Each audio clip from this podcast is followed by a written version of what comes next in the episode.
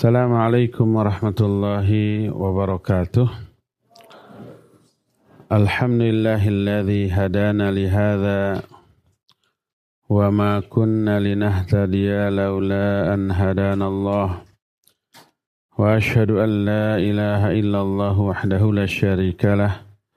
وأشهد أن محمدا عبده ورسوله. يا أيها الذين آمنوا اتقوا الله حق تقاته. ولا تموتن إلا وأنتم مسلمون وبعد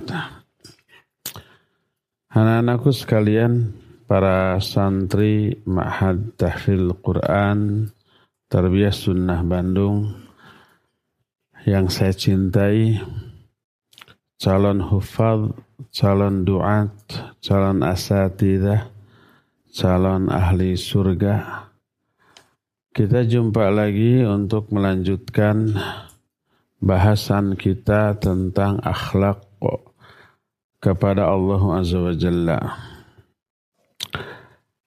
Pada pertemuan Jumat yang lalu kita sudah membahas tawakal. Sekarang kita lanjut salah satu di antara akhlak kita kepada Allah adalah husnudzan kepada Allah. Apa husnudzan? Berbaik sangka. Lawannya apa? Su'udzan. Apa arti su'udzan? Buruk sangka. Kepada Allah tidak boleh berburuk sangka. Kepada manusia juga tidak boleh, apalagi kepada Allah. Kepada manusia kita harus berbaik sangka, apalagi kepada Allah Azza. Inilah adab seorang muslim kepada Allah yaitu berbaik sangka. Dalam hal apa berbaik sangkanya? Pertama, berbaik sangka terhadap zat Allah. Maknanya apa? Maknanya Allah satu-satunya atau esa. Tidak ada dua, tidak ada tiga, Terus selain Allah Asa, Allah suci dari semua kekurangan dan aib.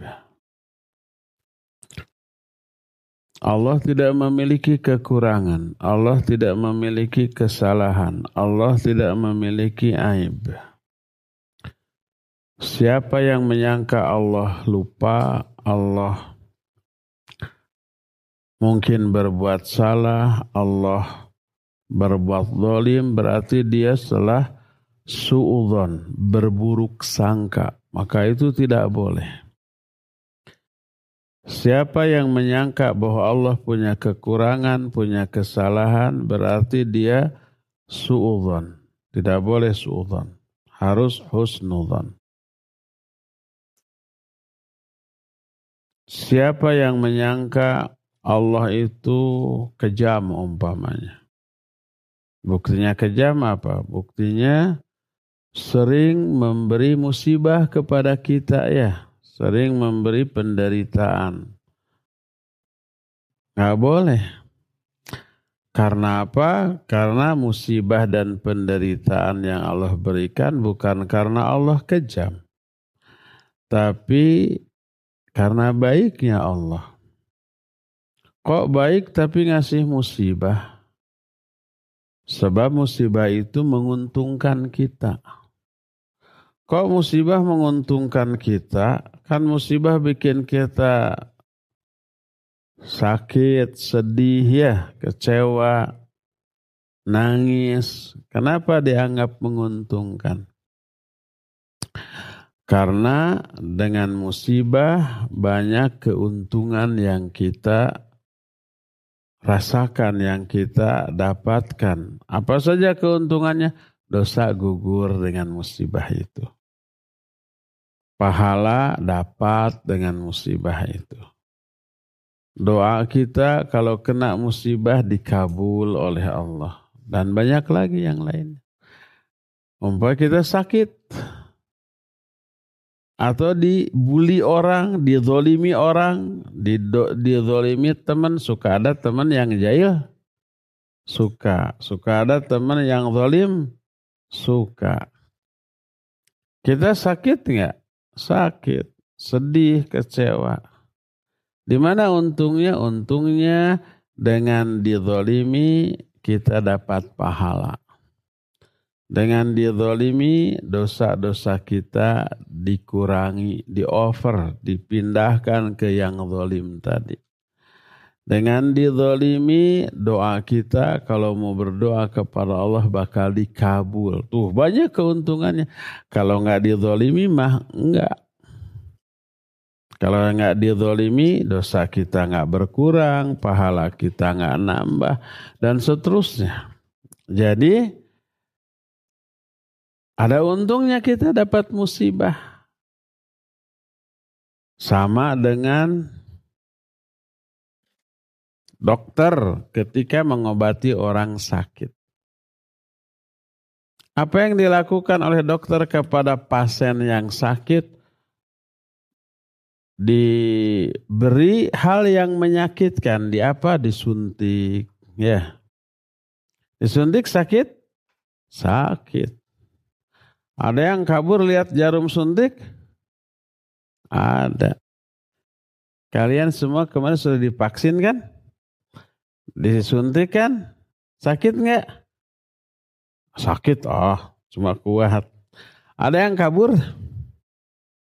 Ada yang nangis?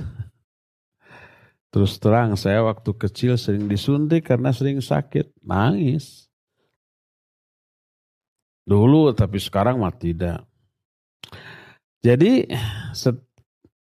dokter menyuntik pasien sakit.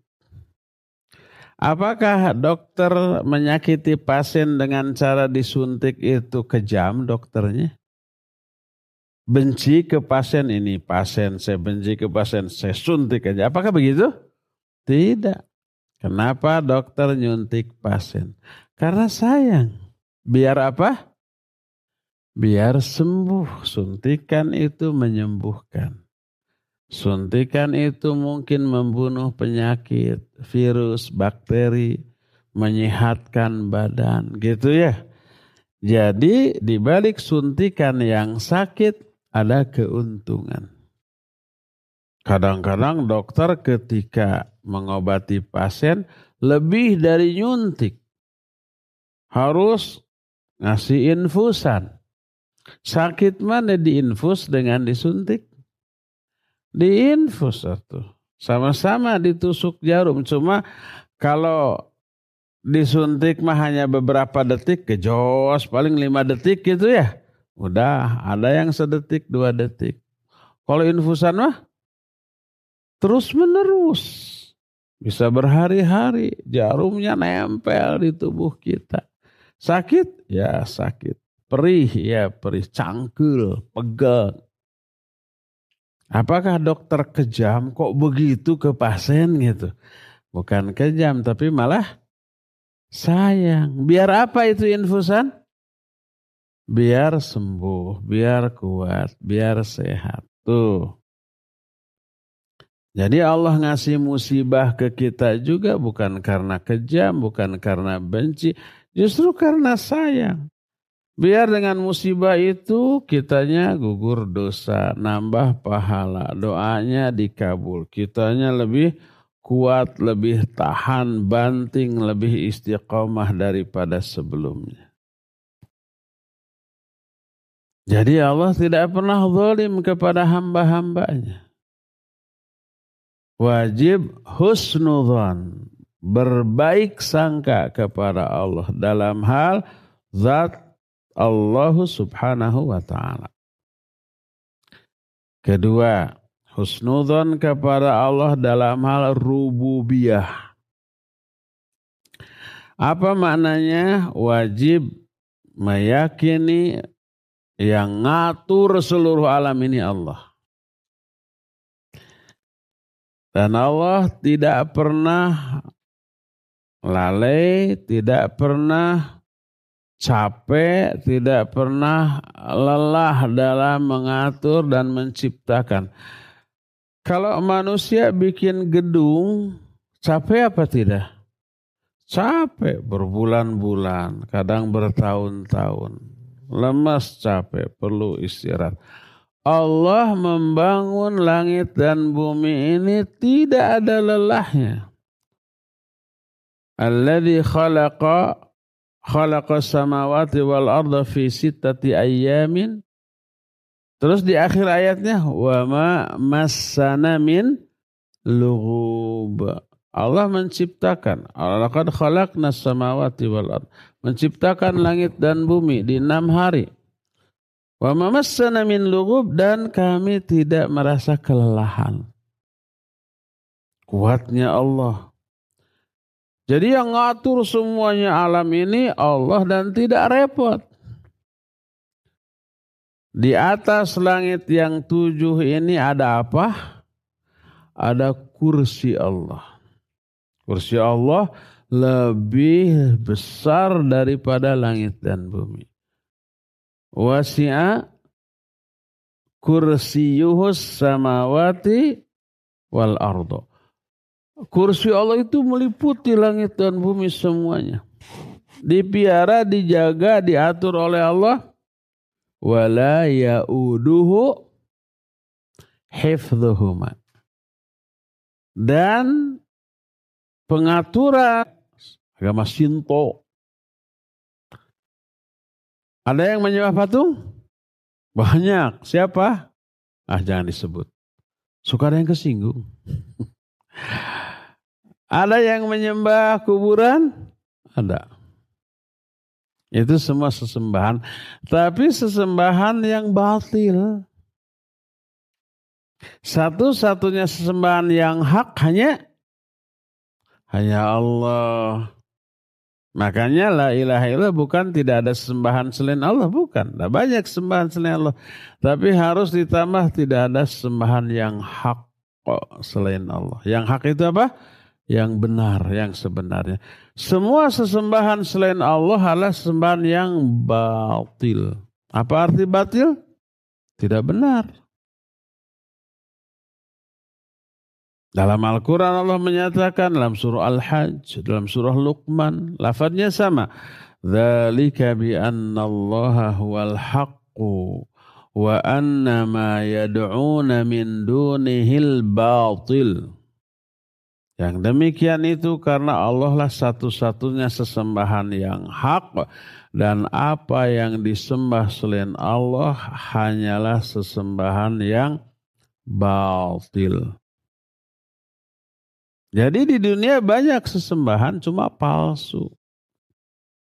Banyak sesembahan tapi batil. Kalau palsu, kalau batil kenapa disebut sesembahan? Dan disembah. Karena kenyataannya disembah disebut ilah atau sesembahan. Tapi batil. Satu-satunya sesembahan yang benar hanyalah Allah subhanahu wa ta'ala. Jadi husnudhan kepada Allah dalam hal uluhiyah, uluhiyah itu penyembahan. Maksudnya menyangka dengan prasangka baik bahwa Allah satu-satunya sesembahan yang benar. Sesembahan selain Allah adalah batil. Siapa yang menyangka malaikat juga boleh disembah, dia suudhan kepada Allah. Siapa yang menyangka bahwa para nabi yang sudah mati boleh disembah, dia suudon kepada Allah. Siapa yang menyangka orang-orang soleh yang sudah wafat boleh disembah kuburannya, berarti dia suudon kepada Allah. Maka haram hukumnya. Syirik. Jadi yang ketiga husnudhan kepada Allah adalah husnudhan dalam hal keuluhiyahan Allah maknanya berprasangka, bahkan yakin bahwa Allah satu-satunya sesembahan yang hak. Keempat, husnudzan kepada Allah dalam hal asma dan sifatnya. Apa artinya asma? Nama-nama. Ada orang yang namanya asma, ada. Berarti arti dari asma apa? Nama. Jadi nama dia siapa? Nama. Ada sahabiah wanita namanya Asma? Ada. Putri siapa? Para sahabiah, sahabiah. Di zaman Nabi. Di zaman Nabi. Ada Asma. Bapaknya siapa? Abu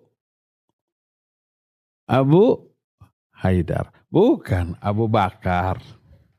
Asma binti Abu Bakar. Saudarinya siapa? Aisyah. Aisyah kan putri siapa? Putri Abu Bakar. Abu Bakar punya banyak anak dan putra dan putri. Salah satunya Aisyah. Ada juga Asma. Asma binti Abu Bakar. Allah memiliki asma. Asma di sini bukan nama orang, tapi nama-nama. Dan semua nama Allah bagus, baik, terbagus, terbaik. Walillahil asma'ul husna. Maka disebut al asma'ul husna. Allah punya asma'ul husna. Arti asma'ul husna adalah nama-nama yang baik. Wajib kita meyakini keyakinan yang wajib ini disebut husnudzon bahwa Allah memiliki nama-nama yang terbaik dan sifat-sifat yang paling sempurna. Kesempurnaan sifat Allah menyebabkan Allah nggak punya kekurangan. Allah nggak punya aib, Allah nggak punya kelemahan. Semua sifat Allah sempurna dengan kesempurnaan yang juga sempurna. Siapa yang menyangka bahwa Allah tidak memiliki nama atau memiliki nama tapi sedikit atau terbatas, berarti dia suudzon kepada Allah. Siapa yang menyangka bahwa nama Allah ada yang bermakna buruk, ada nama Allah yang jelek, berarti dia sudah suudzon kepada Allah. Haram, tidak boleh. Semua nama Allah baik, nggak ada yang buruk. Bahkan bukan hanya baik, tapi terbaik. Makanya disebut al-asma'ul al, husna. Artinya al-asma'ul husna, al-asma, nama al-husna yang terbaik. Nama-nama Allah yang terbaik dan jumlah nama Allah tak ada yang tahu kecuali Allah. Bukan hanya 99 Sembilan. Tapi lebih dari itu. Adapun yang 99 itu karena salah faham terhadap sebuah hadis yang menyatakan Inna lillahi tis'atan wa tis'ina isman faman ahsoha dakhalal, dakhalal jannah. Hadis itu sahih riwayat Imam Muslim dalam kitab Sahih Muslim. Allah memiliki 99 nama. Siapa orang yang menjaga, memelihara 99 nama itu, dia akan masuk surga. Hadis ini benar. Sahih riwayat Imam Muslim. Tapi tidak berarti bahwa nama Allah hanya 99. Tidak, lebih dari itu. Berapa? Nggak ada yang tahu kecuali Allah. Kok dari mana taunya? Dari hadis yang sahih riwayat Bukhari dan Muslim. Kata Nabi Shallallahu Alaihi Wasallam, apabila seorang hamba sedang mengalami kesedihan, resah, gelisah, risau dan galau, Mungkin karena ada musibah, mungkin karena diejek orang, dihina orang, difitnah orang, dibully orang, atau karena masalah apa saja. Resah, gelisah. Maka siapa orang yang resah atau gelisah lalu berdoa dengan doa berikut ini. Allahumma inni abduka. Terus, ya Allah, aku adalah hamba, hambamu. Terus. Nah, sampai di tengah doa, as'aluka bikul lismin alladhi samaita alladhi samaita nafsaka alladhi alladhi samaita biha nafsaka ya Allah aku meminta kepada engkau dengan menyebut nama-nama yang engkau telah namakan dirimu dengan nama tersebut. Au angzaltaha fi kitabik atau nama-nama yang telah engkau turunkan dalam kitabmu. Au 'allamtaha ahadan min khalqik atau dengan nama-nama yang engkau telah ajarkan kepada salah seorang makhlukmu au ista'sarta bihi fi ilmil ghaibi indak atau dengan nama-nama yang hanya engkau yang tahu yang ada dalam ilmu gaib yang ada di sisimu. Nama-nama yang hanya engkau saja yang tahu. Selain engkau nggak ada yang tahu, para malaikat nggak tahu, para nabi nggak tahu nama-nama tersebut. Dan itu ada dalam ilmu gaib yang ada di sisi Allah yang lain nggak tahu. Siapa yang berdoa dengan doa ini seketika juga kesedihannya bahkan hilang. Dari sinilah kita atau para ulama menjelaskan bahwa nama-nama Allah jumlahnya tak terbatas tapi hanya Allah yang tahu. Lebih dari 99. Adapun hadis tadi Allah memiliki 99 nama yang Siapa yang mengihsa? Mengihsa itu bukan hanya menghafal. Meyakini, mengimani nama-nama itu, memahami maknanya, meyakini maknanya, dan mengamalkan isinya. Itu ihsa. Bukan hanya hafal. Siapa yang mengihsa dia akan masuk surga. Apakah hadis itu menyatakan nama Allah hanya 99? Enggak. Contoh gini. Contoh, saya berkata di, di hadapan kalian, saya punya uang satu juta yang akan diberikan kepada siapa saja yang hafal juz amma. Coba dari kalimat yang saya omongkan tadi. Saya punya uang satu juta yang akan saya berikan kepada orang yang hafal juz amma. Berapa uang saya? Hanya satu juta? Bukan. Banyak. Miliaran. Di bank. Punya orang. Tapi ini contoh. Di antara sekian miliar itu ada satu juta yang akan saya berikan. Kepada siapa aja yang hafal juz amma. Setelah satu juta itu diberikan, ada yang hafal. Berebut, di sini hafal semua. Berebut. Apakah uang saya habis? Enggak, masih banyak. Itu mah sejuta mah hanya sebagian kecil saja. Itu contohnya. Contoh kalimat. Saya punya uang satu juta yang akan saya berikan kepada yang hafal juz amma. Uang saya tidak hanya satu juta, banyak. Begitu juga hadis tadi. Allah memiliki 99 nama yang siapa saja yang mengihsa 99 nama tadi, dia akan masuk surga. Tidak berarti Allah hanya 99 nama, banyak yang lain. Ditunjang dengan hadis tadi dengan nama yang hanya engkau ya Allah yang yang tahu dalam ilmu gaib yang ada di sisimu. Kalau 99 nama banyak orang hafal, banyak orang tahu. Apalagi para malaikat. Ah, berdasarkan hal itulah maka husnudhan kepada Allah di dalam hal nama pertama wajib meyakini Allah punya nama-nama. Karena Allah punya nama, ketika berdoa sebut namanya dalam doa. Walillahil asmal husna fad'uhu biha. Allah memiliki nama-nama yang bagus.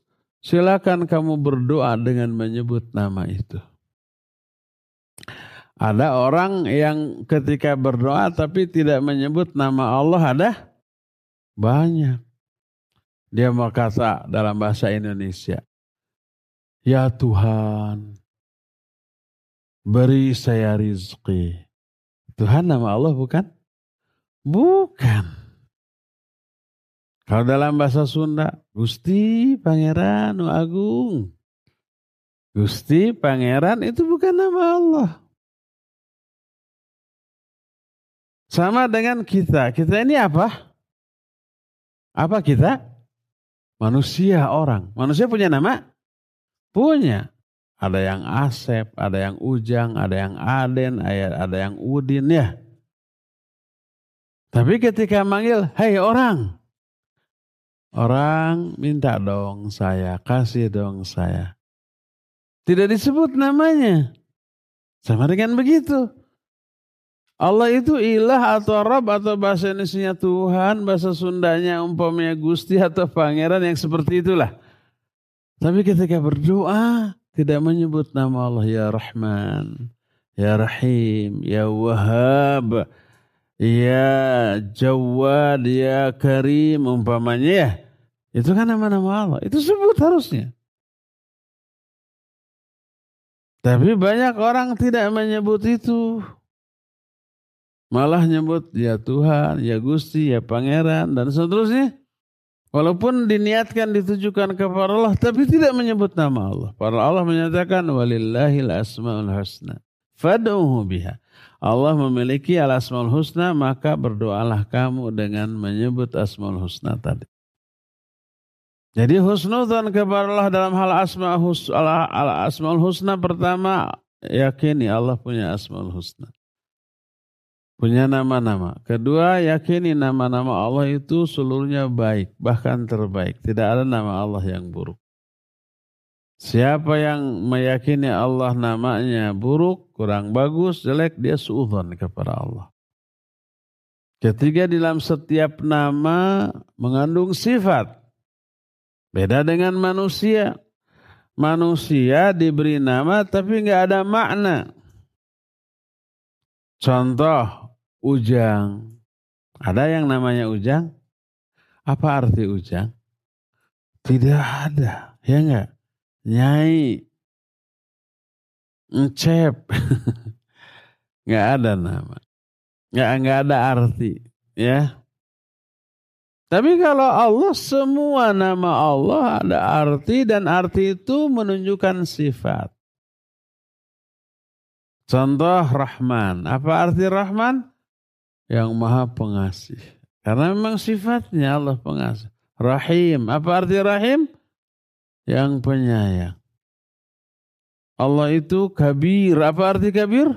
Besar memang. Kenyataannya Allah besar. Besar apa aja? Semuanya. Zatnya juga kekuasaannya. Dan seterusnya. Allah itu ghafur. Apa arti ghafur? Maha pengampun. Memang sifat Allah pengampun. Jadi semua nama Allah punya makna. Dan makna tersebut menunjukkan sifat.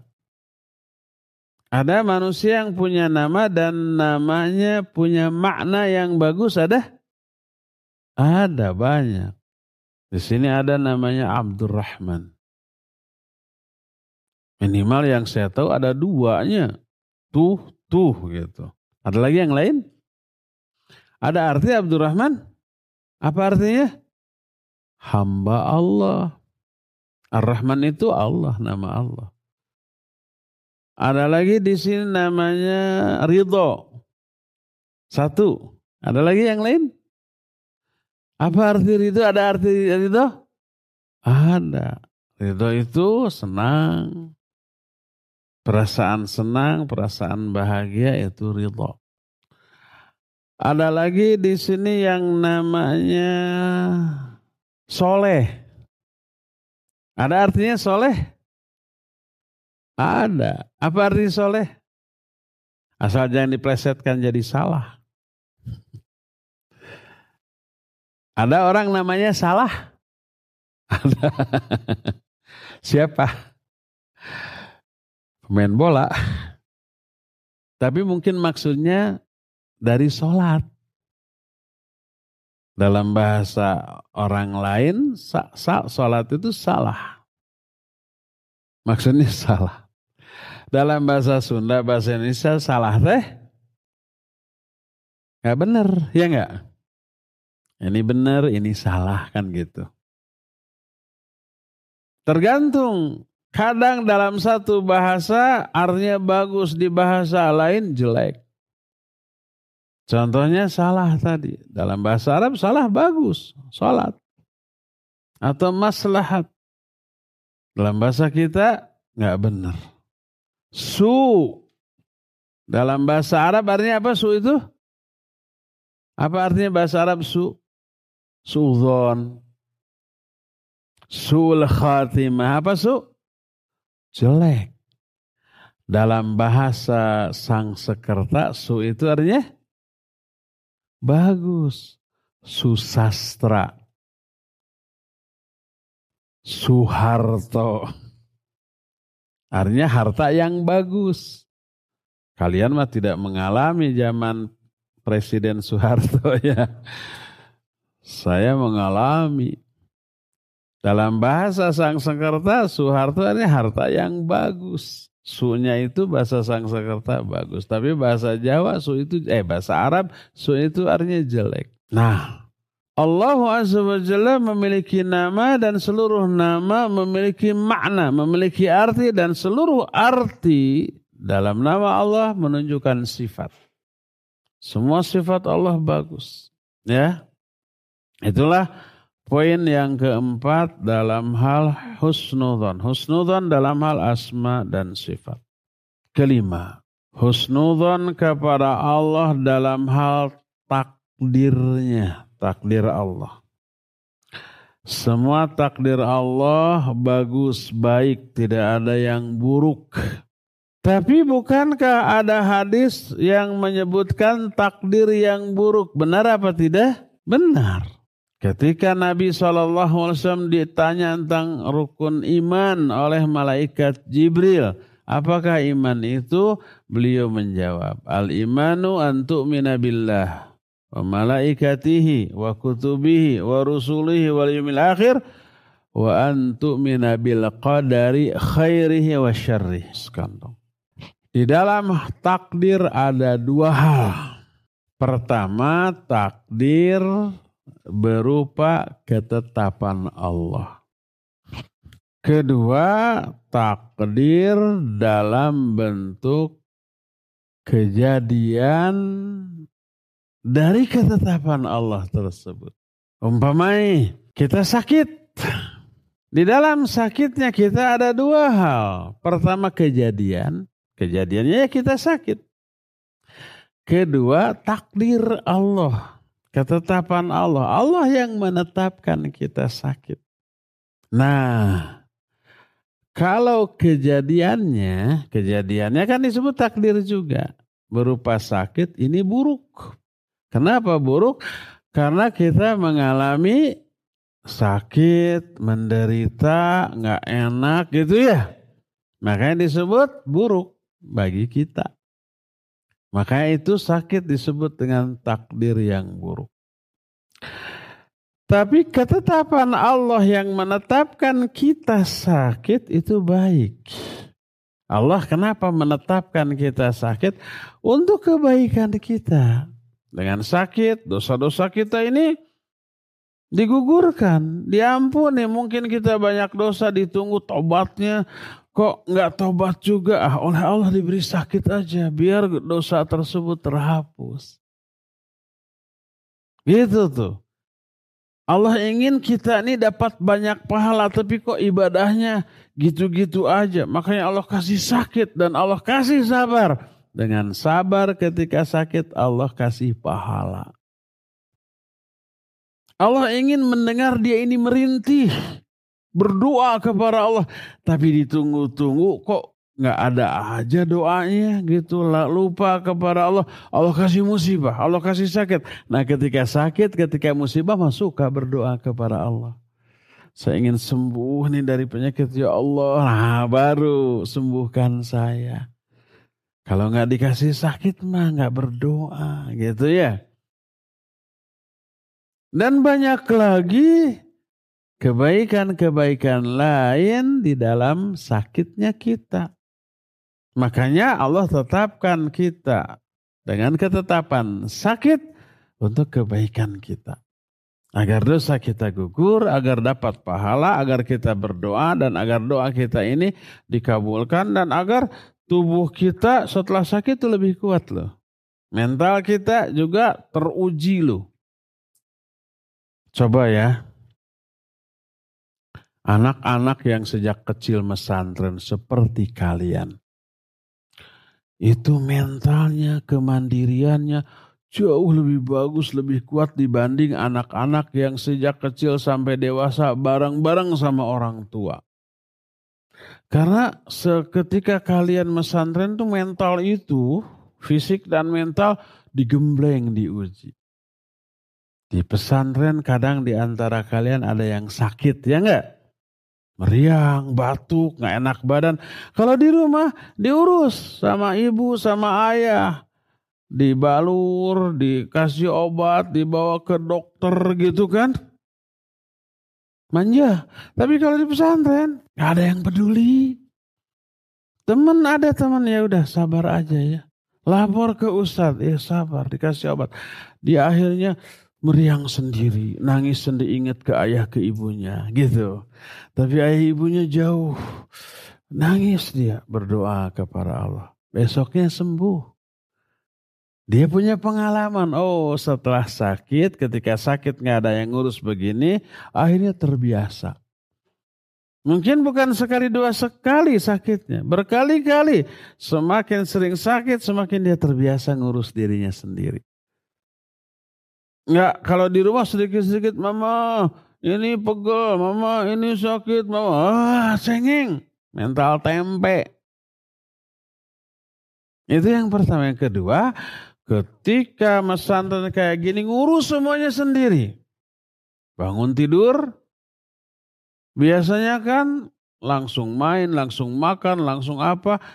Yang membereskan tempat tidur ibunya gitu ya yang nyuciin ibunya, yang menyiapkan uh, pakaian perlengkapan sekolah ibunya. Ketika di pesantren sendiri, beresin sendiri, nyuci sendiri, nyetrika uh, ngerapiin sendiri. Tadinya nggak bisa ngerapiin awut-awutan, ngelipat pakaian nggak beres awalnya, tapi lama-lama sering tiap hari begitu jadi tahu bagaimana cara melipat. Bagaimana cara membereskan tempat tidur? Mandiri nanti. Kalian pulang dari sini ke rumah nanti waktu liburan, tunjukkan ada hasil gemblengan di sini. Bangun tidur teh, langsung beresin dulu. Jangan biarkan, ah mumpung di rumah sama mama aja. Jangan. Nah sekarang kalian ini belum terbiasa begitu, tahu nggak? Hampir setiap pagi saya jalan-jalan sama istri. Masuk kamar kalian tuh. Bukan nyolong. Wah itu tanpa tidur. Ada yang rapi, ada. Ada yang awut-awutan ini. Kurang dibiasakan. Jadi nanti subuh, sebelum subuh kalian bangun langsung rapikan tempat tidur. Nanti mungkin ada lomba kebersihan dan kerapihan tempat tidur antar sesama tempat tidur dan antar asrama. Siapa yang paling rapi diberi hadiah, siapa yang paling berantakan dihukum. Naon hukuman anak bisa ngoset WC. Apa hukumannya bisa mengutin sampah. Apalagi hukumannya bisa suruh nyupir. Nyuci piring. Piring-piring yang kotor atau apa saja. Kalian biasakan tuh, bersihkan tuh. Bereskan tempat tidur. Sekali dua kali mungkin nggak beres, berantakan, nggak apa-apa. Tapi lama-lama lihat temennya, oh temennya rapi gimana cara ngebersihan, cara ngerapiinnya, gini-gini, belajar. Begitu tuh. Besok saya akan jalan-jalan lagi lihat. Hmm, nanti dicatat ini eh, ranjang siapa, tempat tidur siapa, lemari siapa nih. Yang bagus dikasih reward. Yang berantakan hmm, diberikan catatan harus berubah selama kalian di sini. Perubahan ini harus dibawa ke rumah nanti. Di rumah, ayah ibu melihat perkembangan perubahan kalian. Oh pulang pesantren tehnya jadi rapi, jadi rajin, jadi lembut, jadi perhatian ke orang tua. Habis umpamanya uh, ibu bapaknya bangun gitu ya. Ngomong ngontrol anaknya, mau ngebangunin anaknya. Uluh, Kamarnya sudah kosong dan rapi. Oi. Ke mana sih kasep teh? Dilihat ternyata udah ke masjid. Oh azan gening di masjid dah suaranya. Hmm. Senang gak kira-kira ayah dan ibu? Senang Alhamdulillah. Anak saya sudah soleh. Baru beberapa bulan tuh. Udah akhirnya ayah ibunya sholat gitu ya. Setelah pulang kalian langsung lihat, ulu banyak piring kotor. Cuci dulu. Pas ibunya beres mau nyuci, beres sholat nih mau nyuci, loh kok udah nggak ada cucian nih?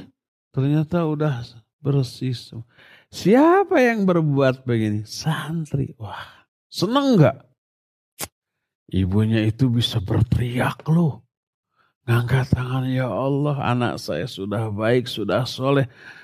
Tambahkan kesolehannya, rahmati, berkati, masukkan dia ke surga. Itu doa ibu sambil matanya berair, itu menggedor pintu langit.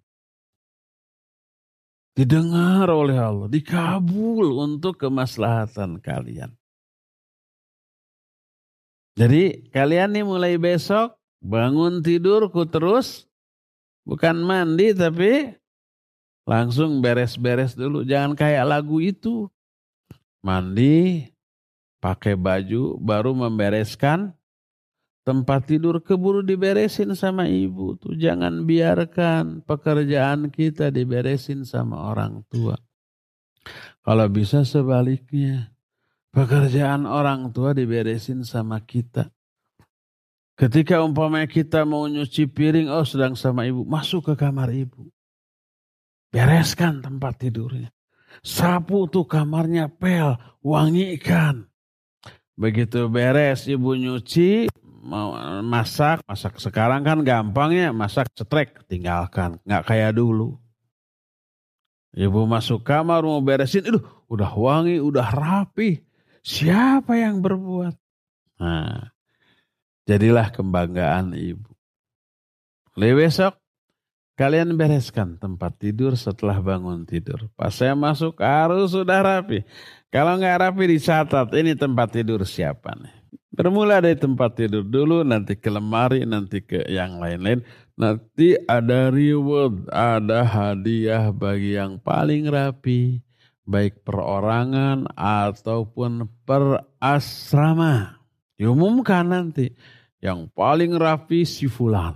Diumumkan yang paling berantakan si fulan. Nah, malu apa tidak? Malu. Yang paling rapi adalah asrama asrama apa namanya? Asrama Anu. Yang paling berantakan asrama yang Anu, gitu. Diumumkan ya. Jadi Husnudhan kepada dalam hal takdirnya maknanya menyangka meyakini semua takdir Allah baik. Semua takdir Allah itu bagus. Semua takdir Allah bermanfaat untuk kita semua. Ya. Itulah beberapa penjelasan husnudzon kita kepada Allah Subhanahu wa taala dan inilah akhlak yang mulia dari seorang mukmin kepada Allah Subhanahu wa taala. Ya. Cukup ya sampai di sini dan kita masuki sesi tanya jawab wasallallahu ala nabiyina Muhammadin wa ala alihi wa wasallam. Ya, ada yang mau bertanya silakan. Eh, nama nama nama. Assalamualaikum warahmatullahi wabarakatuh. Waalaikumsalam warahmatullahi wabarakatuh. Nama Ana Muhammad Hafiz. Hmm? Muhammad Hafiz. Muhammad Hafiz. Hafid. Dari Siamplas. Siamplas. Bagaimana cara menghilangkan rasa malas dalam beribadah. Syukuran Assalamualaikum. Bagaimana cara menghilangkan rasa malas dalam beribadah? Uh, menghilangkan rasa malas dalam beribadah. Emang kalian suka malas ya dalam ibadah ya? Suka? Ya, yeah, sama. Semua orang pasti mengalami. Ada rasa malas dalam beribadah. Ya, malas memurojaah hafalan, malas nambah hafalan, malas melakukan ibadah sunnah, bangun malam, aduh mau tahajud malas. Senin Kamis mau saum malas. Itu ya. Semua orang mengalami itu. Tidak hanya kalian, para ustadz juga begitu. Kenapa begitu? Banyak faktor. Ada faktor godaan setan. Setan menggoda kita dengan memberi rasa malas. Faktor yang kedua, dosa-dosa yang kita lakukan. Kalau kita melakukan dosa menyebabkan malas untuk melakukan ibadah. Ketiga, kurang berkualitasnya ibadah kita. Kurang benernya ibadah kita. Seperti sholat. Karena kurang benar, kurang khusyuk. Akhirnya kita tidak merasakan kenikmatan di dalam sholat. Ketika tidak nikmat dalam sholat, males sholat tuh. Ya. Nah, lalu bagaimana caranya agar kita tidak malas? Pertama, pertama nih, hindarkan dosa-dosa. Jangan sekali-kali berani secara sengaja direncanakan dalam keadaan sadar melakukan dosa. Semua dosa apa pun bentuknya, besar ataupun kecil, itu berakibat buruk. Salah satu akibat buruknya adalah malas dalam ibadah. Malas ibadah, semangat maksiat. Makanya hindarkan. Apa pun bentuk dosa tersebut, bentuk kesalahan tersebut.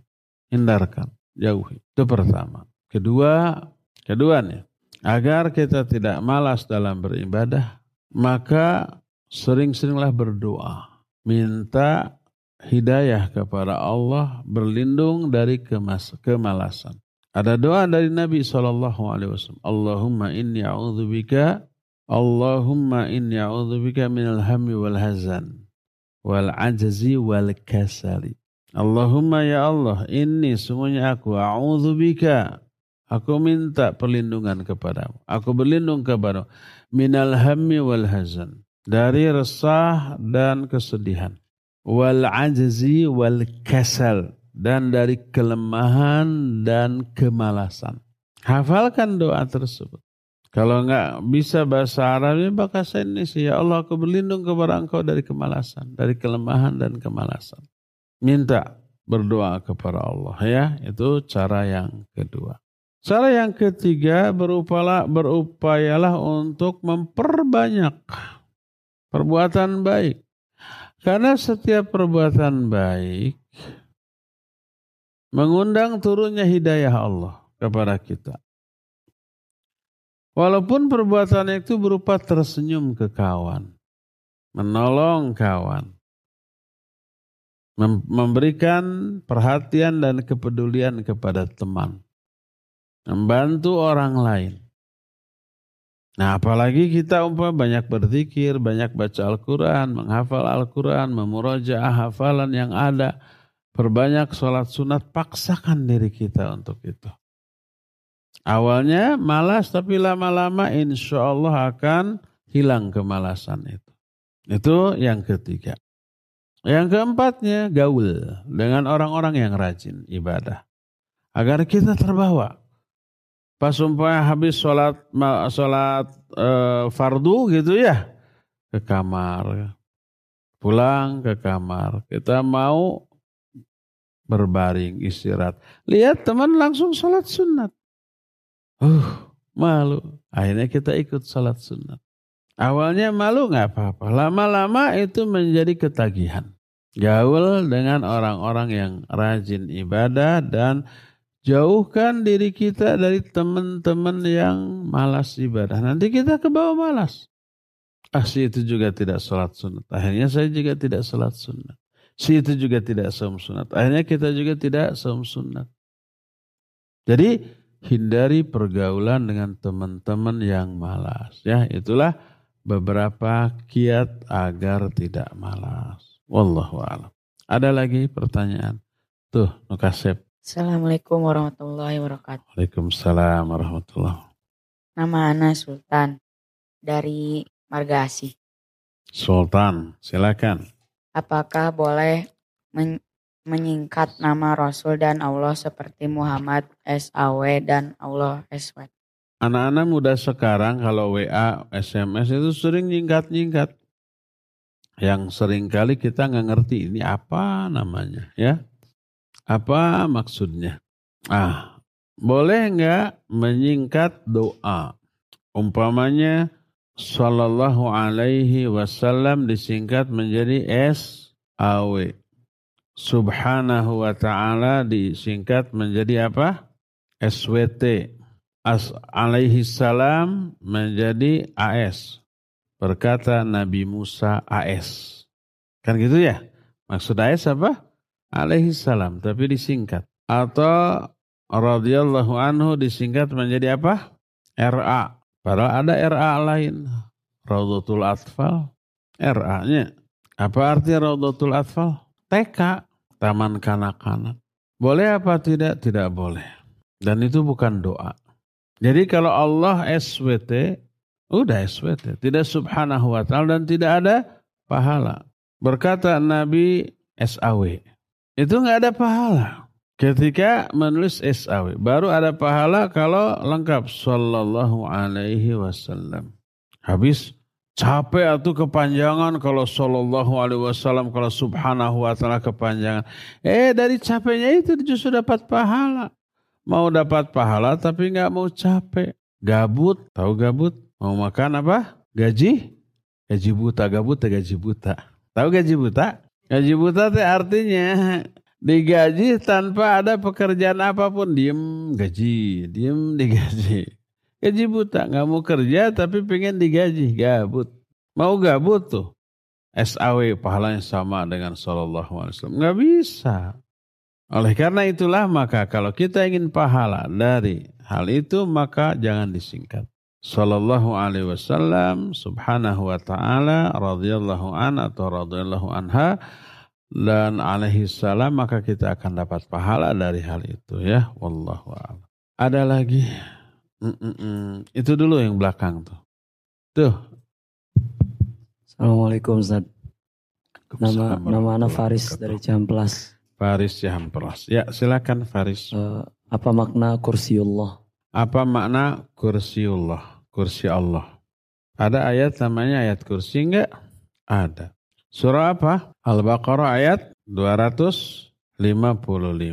Disebut ayat ayat kursi karena di dalamnya ada lafaz kursi.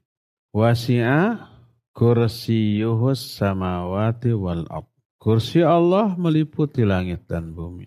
Ketika Nabi Shallallahu Alaihi Wasallam menjelaskan tentang kursi Allah, beliau menyatakan bahwa kursi Allah dikatakan al kursi maudiu qadam.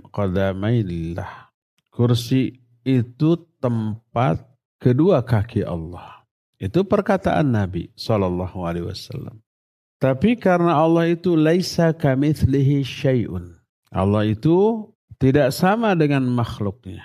Maka jangan disamakan Allah menempati kursi itu seperti kita menempati kursi. Seperti makhluk menginjak dua tempat pijakan. Tidak. Pertama, ba'inun min khalqih. Allah itu terpisah dari makhluknya. Kalau kita menempati suatu tempat, berpisah nggak dengan tempat itu? Tidak, tidak berpisah. Nempel. Saya nempati kursi. Nempel nggak di kursi? Nempel. Butuh nggak saya ke kursi? Butuh. Kalau kursinya ambruk, saya gimana? Jatuh. Kalau Allah mah tidak. Allah menempati kursi tidak menempel di kursi itu tidak membutuhkan kursi tersebut. Apa pun yang terjadi pada kursi, kursinya hancur umpamanya tidak ada pengaruh apa-apa bagi Allah Azza wa Jalla. Allah itu ghaniyun anil alamin. Allah itu tidak butuh apa pun dari alam ini. Sama dengan begini. Allah mendengar dan melihat apa tidak? Allah mendengar melihat apa tidak? Jawab. Mendengar dan melihat. Ada ayatnya? Ada. Innallaha sami'un basir. Allah maha mendengar, maha melihat. Kita melihat dan mendengar apa tidak? Iya, kita melihat dan mendengar. Sama dong sifat Allah dengan sifat kita? Enggak. Apanya yang enggak? Cara melihatnya, cara mendengarnya beda. Jangankan kita dengan Allah. Kita dengan binatang juga cara mendengarnya beda, cara melihatnya beda, kemampuan melihat dan mendengarnya juga beda. Kononnya umpama ini suara saya ini dipancarkan melalui gelombang dengan frekuensi tertentu. Tapi dalam jarak umpama satu kilo nggak bisa terdengar oleh telinga orang. Karena kemampuan telinga orang itu terbatas. Kalau mau mendengar suara saya, saya ngomong di sini, terus mau mendengar di Bandung, harus pakai alat. Apa alatnya? Radio. Radio itu menangkap gelombang tersebut, lalu dikeluarkan suaranya pakai speaker, baru kedengaran persis suara saya. Tanpa radio nggak bisa. Tapi ada makhluk tanpa melalui radio dia bisa mendengar suara gelom, eh, suara yang gelombangnya di atas 20 ribu kh atau di bawah 20 h ya. Apa binatang itu? Kelelawar. Kalong, tahu pernah lihat kelelawar? Dia mungkin bisa mendengar tanpa uh, menyetel radio. Ketika sambil terbang, sambil bergelantungan di pohon, bisa mungkin. Padahal jauh. Dengan kemampuan mendengarnya yang luar biasa, kalong itu kan malam hari ya, bukan penglihatan tapi pendengaran. Dia mengepakkan sayapnya ketika terbang. Sayapnya itu menyebarkan gelombang ke semua arah. Kalau ada benda kena gelombang itu dipantulkan kembali didengar oleh telinga kelelawar. Dengan cara seperti itu kelelawar tahu ada benda apa di sekelilingnya. Makanya nggak akan nubruk. Karena nggak lihat jeger nabrak pohon. Nggak. Jeger nabrak tiang listrik. Nggak. Tahu. Oh melalui telinganya tuh. Dengan telinganya juga tahu, oh ini ada buah. Ada buah, ada bohlam. Gak akan ter tertukar. Gak pernah ada kasus kelelawar mau makan buah ternyata bohlam. Gak. Kan bentuknya sama. Enggak. Tahu mana yang matang, mana yang mentah hanya dari telinga. Cara mendengar kita dengan cara mendengar kelelawar sudah beda. Kita mengetahui lingkungan sekitar Allah mau mengetahui? Iya. Kita mengetahui? Iya. Bagaimana cara mengetahui? Beda. Kita mengetahui lingkungan sekitar dengan cara dilihat, diraba. Kalau ular mengetahui ada mangsa melalui apa? Lidahnya. Lidah ular kan suka menjulur-julur ya. Lidahnya dikeluarkan menangkap gelombang atau bau atau apa lalu dia tempelkan ke hidung oleh hidung kemudian dikirim ke otak oh tahu ada tikus tahu ada ayam tahu ada orang tahu ada dengan cara begitu dia mengetahui Kita cara mengetahui adanya gula gimana? Dilihatnya, dilihat oh ada, di, di, terus di dicoba. Hmm, ini gula nggak akan tertukar dengan garam. Bagaimana cara semut mengetahui gula? Nggak tahu kitanya. Tiba-tiba kalau ada gula tumpah, nggak ada semut tadinya. Nggak lama, tung dikerubutin semut. Gimana caranya semut tahu bahwa itu gula ada di sana ya? Nggak tahu mungkin di di kepala semut ada apa? Antena, mungkin itu. Jadi si gula tersebut ketangkap mungkin sinyalnya, mungkin gelombangnya, mungkin aromanya. Oh ada yang manis-manis di sana ketangkap. Hmm, padahal nggak lihat si, si, si, si, si semut itu. Oh baru aja berdatangan. Antara kita dengan binatang, cara melihat, cara mengetahui, cara mendengar itu sudah beda. Apalagi dengan Allah subhanahu wa ta'ala. Laisa kamithlihi syai'un. Allah melihat kita melihat. Melihat cara melihatnya beda.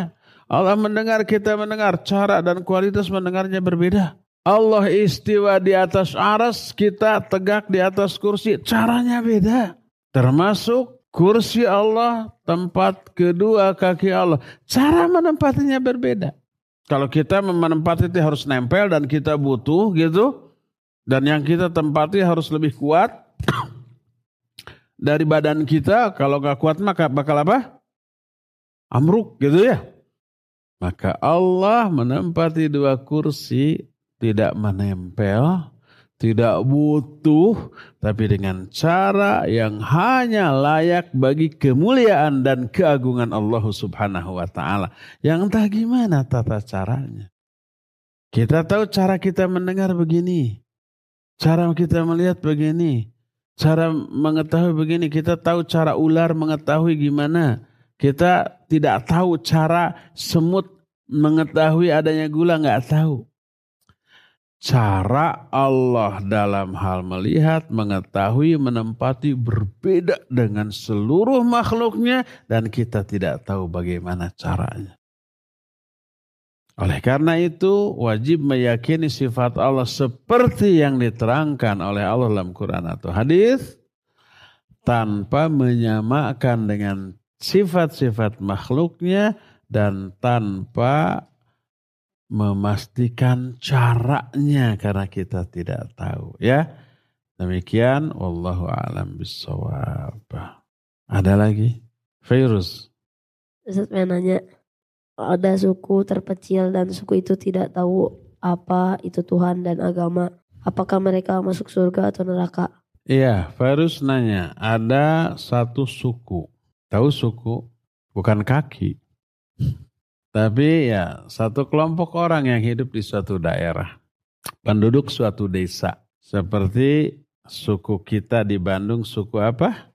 Sunda, ada suku Jawa, suku Batak, dan seterusnya suku Betawi. Nggak ada suku Cimahi. Cimahi masih suku Sunda. Ada satu suku terpencil di pedalaman hutan, di gunung. Nggak ada yang mendakwahi mereka. Tidak pernah ada ustadz yang datang. Mereka tidak tahu tentang Islam. Sampai matinya demikian. Jadi mereka tidak tahu harus ibadah kepada Allah. Bagaimana cara ibadahnya, cara sholatnya. Nggak ada yang ngasih tahu. Apakah mereka ke surga atau ke neraka? Ya, wallahu alam bisawab. Mereka dalam pandangan syariat tetap bukan muslim. Kalau kita menemukan suku seperti itu lalu ada yang mati tidak boleh disolatkan, ya, dimintakan ampunan. Karena mati bukan di atas Islam. Tidak boleh dikuburkan di pekuburan kaum muslimin. Para wanitanya tidak boleh dinikahi karena bukan Islam. Apalagi laki-lakinya tidak boleh dinikahkan kepada muslimah. Sesembelihan mereka tetap haram karena bukan muslim. Nah, adapun nasib mereka di akhirat terserah Allah Azza. Mungkin di antara mereka ada yang jahat, mungkin ada yang baik, kesesama ya. Suka nolong, suka membantu gitu. Tapi karena mereka tidak mengenal Allah karena nggak ada yang mendakwahi, memberitahukan, tidak sholat mereka.